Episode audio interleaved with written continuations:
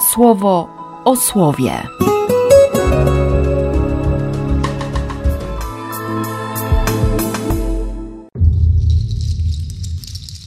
Dwudziesty dziewiąty czerwca, wtorek. Z dziejów apostolskich. W tym czasie król Herod użył przemocy, by wyrządzić krzywdę niektórym należącym do kościoła. Zabił mieczem Jakuba, brata Jana, a gdy zobaczył, że jest to miłe Żydom, postanowił aresztować także Piotra. A były to właśnie dni prześników. Pojmał go zatem i osadził w więzieniu, przekazując pod opiekę czterem czteroosobowym oddziałom żołnierzy. Chciał bowiem wydać go ludowi zaraz po święcie Paschy. Piotra zatem trzymano w więzieniu. Tymczasem Kościół wznosił za nim żarliwe modlitwy do Boga. Tej nocy, kiedy Herod zamierzał go wydać, Piotr spał między dwoma żołnierzami, skuty dwoma łańcuchami. Także przed bramą strażnicy pilnowali więzienia. Nagle anioł Pana się pojawił i światło zajaśniało w owym pomieszczeniu. Obudził Piotra trąceniem w bok i powiedział: Wstań prędko. A łańcuchy z rąk jego opadły. Anioł powiedział mu: Załóż pas i wdziej swe sandały. Zrobił to. I znowu rzekł do niego: Włóż swój płaszcz i idź za mną. Wyszedł, idąc za nim, nieświadomy, czy prawdziwe jest to, co się dzieje za sprawą anioła. Uważał, że ma widzenie. Minęli pierwszą i drugą straż, przyszli do żelaznej bramy przegradzającej drogę do miasta. Ona sama im się otwarła. Wyszli i doszli do końca jednej ulicy. I zaraz anioł oddalił się od niego. Piotr, gdy oprzytomniał, powiedział: Teraz już wiem naprawdę, że Pan posłał swego anioła i on mnie wyrwał z ręki Heroda i z wszystkich owych zamysłów Żydów. Całkiem już przytomny przybył do domu Marii, matki Jana, zwanego też Markiem, gdzie dość duża liczba zebranych modliła się. Gdy kołatał do drzwi w bramie, wyszła zobaczyć służąca imieniem Rodę. Kiedy rozpoznała głos Piotra, z radości nie otwarła bramy, lecz pobiegła i oznajmiła, że Piotr stoi przed bramą. Tamci jej powiedzieli: Oszalałaś. Lecz ona powtarzała z uporem, że naprawdę jest. Tamci powiedzieli: To jego anioł. Tymczasem Piotr nadal kołatał. Po otwarciu zobaczyli go i oniemieli. Dał im znak ręką, by byli cicho i wyjaśnił, jak Pan go wyprowadził z więzienia. Rzekł też: Powiadomcie o tym Jakuba i braci. Zaraz potem wyszedł i udał się w inne miejsce. Z drugiego listu do Tymoteusza. Ty natomiast bądź trzeźwy we wszystkim, cierpliwie znoś przeciwności, wykonaj zadanie ewangelisty, spełnij posługiwanie. Ja bowiem już polewany jestem przed ofiarą, nadszedł czas mojego rozwiązania. Stoczyłem piękną walkę, bieg ukończyłem, wiarę zachowałem. Na końcu jest dla mnie odłożony wieniec sprawiedliwości w owym dniu wręczy mi go Pan, sprawiedliwy sędzia, a nie tylko mnie, lecz także wszystkim, którzy pokochali Jego objawienie się. Postaraj się prędko przybyć do mnie. Demas bowiem mnie opuścił, gdyż pokochał doczesny świat i wybrał się do Tesaloniki. Krescens do Galacji, Tytus do Dalmacji, tylko Łukasz jest ze mną. Zabierz Marka i przyprowadź z sobą, bo jest mi bardzo pomocny w posługiwaniu. Tychika wysłałem do Efezu. Po drodze zabierz płaszcz, który zostawiłem u Karpa w Troadzie, a także księgi, zwłaszcza pergaminy. Płatnerz Aleksander okazał mi wiele złej woli. Odda mu Pan według jego uczynków. Ty też się go strzeż, bo ostro wystąpił przeciw naszym słowom. W czasie mojej pierwszej obrony nikt nie zjawił się przy mnie, lecz wszyscy mnie opuścili. Niech im to nie będzie policzone. A Pan stanął przy mnie i dodał mi siły, aby przeze mnie ogłoszone zostało pełne orędzie, i aby wszyscy poganie usłyszeli. I wyrwany zostałem z paszczy lwa. Ochroni mnie Pan przed każdym złym czynem i uratuje dla swojego Królestwa Niebieskiego. Jemu chwała na wieki wieków. Amen. Z Ewangelii według świętego Mateusza. A kiedy Jezus przyszedł w okolice Cezarei Filipowej, pytał swoich uczniów: Co ludzie mówią o synu człowieczym? Kim jest? Oni odpowiedzieli: Według jednych Janem Chrzcicielem, według innych Eliaszem, według jeszcze innych Jeremiaszem lub jednym z proroków. Zapytał ich: A wy co mówicie? Kim jestem? Szymon Piotr odpowiedział: Ty jesteś Mesjaszem, synem żyjącego Boga. Na to Jezus mu rzekł: Błogosławiony jesteś, Szymonie, synu Jony, bo nie ciało i krew objawiły ci to, lecz mój ojciec, ten w niebie. I ja ci oświadczam, że ty jesteś Piotrem, skałą, i na tej skale będę budował mój kościół, a oddziały piekła go nie przemogą. Dam ci klucze Królestwa Niebieskiego, i jeśli coś zwiążesz na ziemi, będzie związane w niebie, a jeśli coś rozwiążesz na ziemi, będzie rozwiązane w niebie. Wtedy nakazał uczniom, aby nikomu nie mówili, że on jest Mesjaszem.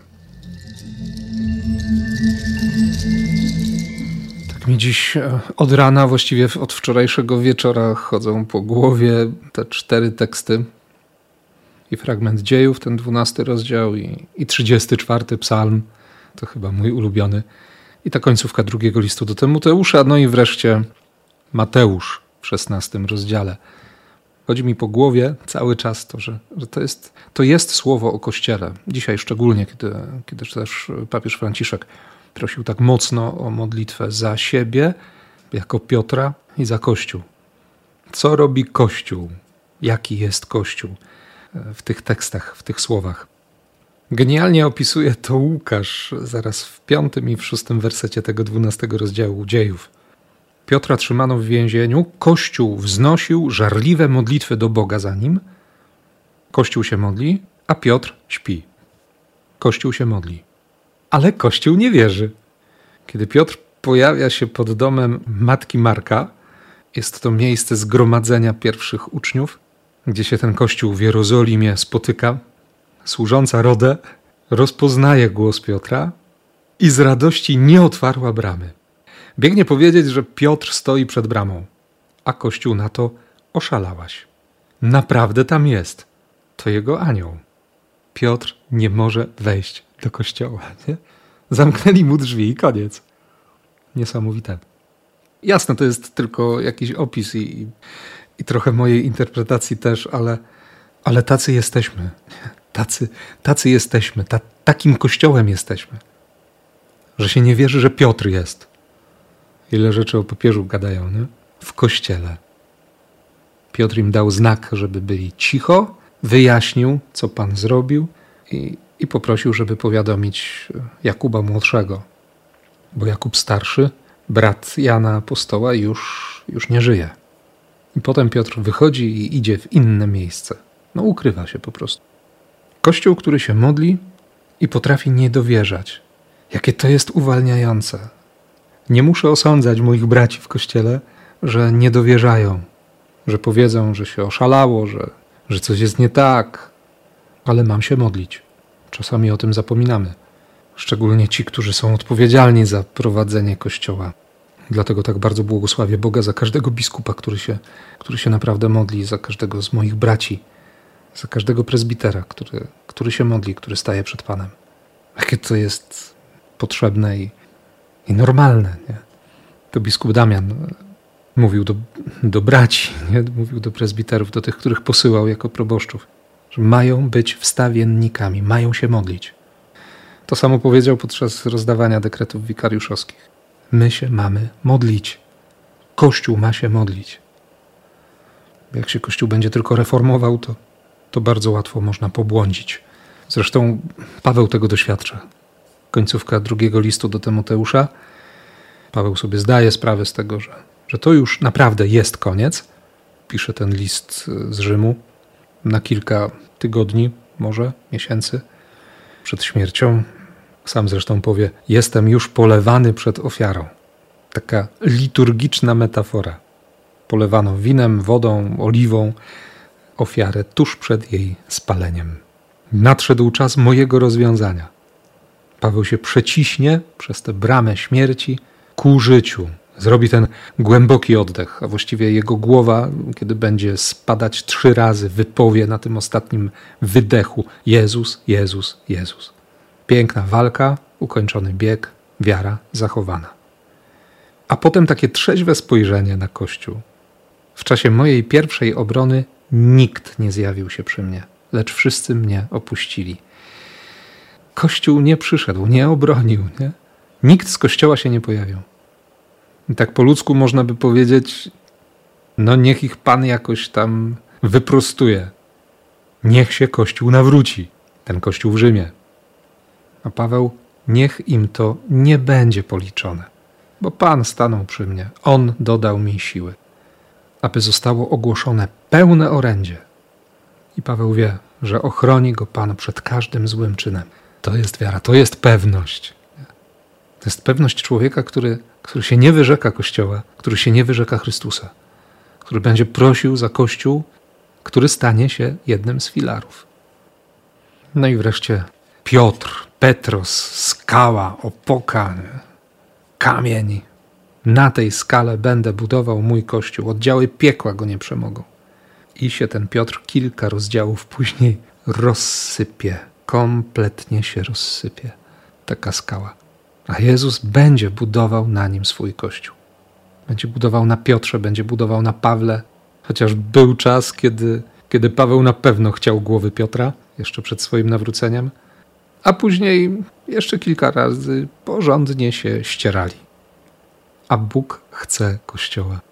Chce tego kościoła, bo, bo to jest Jego kościół. Jezus mówi: Zbuduję mój kościół. To nie jest czyjś kościół, to jest Kościół Chrystusa. Nawet jeśli powiem, że to jest mój Kościół, to nie w kontekście praw własności, tylko identyfikacji. Tak, chcę być w tym Kościele, chcę być w Kościele Jezusa Chrystusa. To jest mój Kościół, to są moi bracia. Kiedy patrzę na słabości, na grzechy, na pomyłki, kiedy wiem, że inni widzą moje słabości, pomyłki, grzechy, to jest ta rzeczywistość łaski. I coraz mocniej z roku na rok widzę, że Bóg naprawdę chce Kościoła. Będzie go oczyszczał, będzie go korektował, będzie go umacniał, będzie dodawał siły. On chce Kościoła, chce tej przestrzeni, chce ludzi, chce Ciebie, mnie też chce. I to naprawdę jest piękne.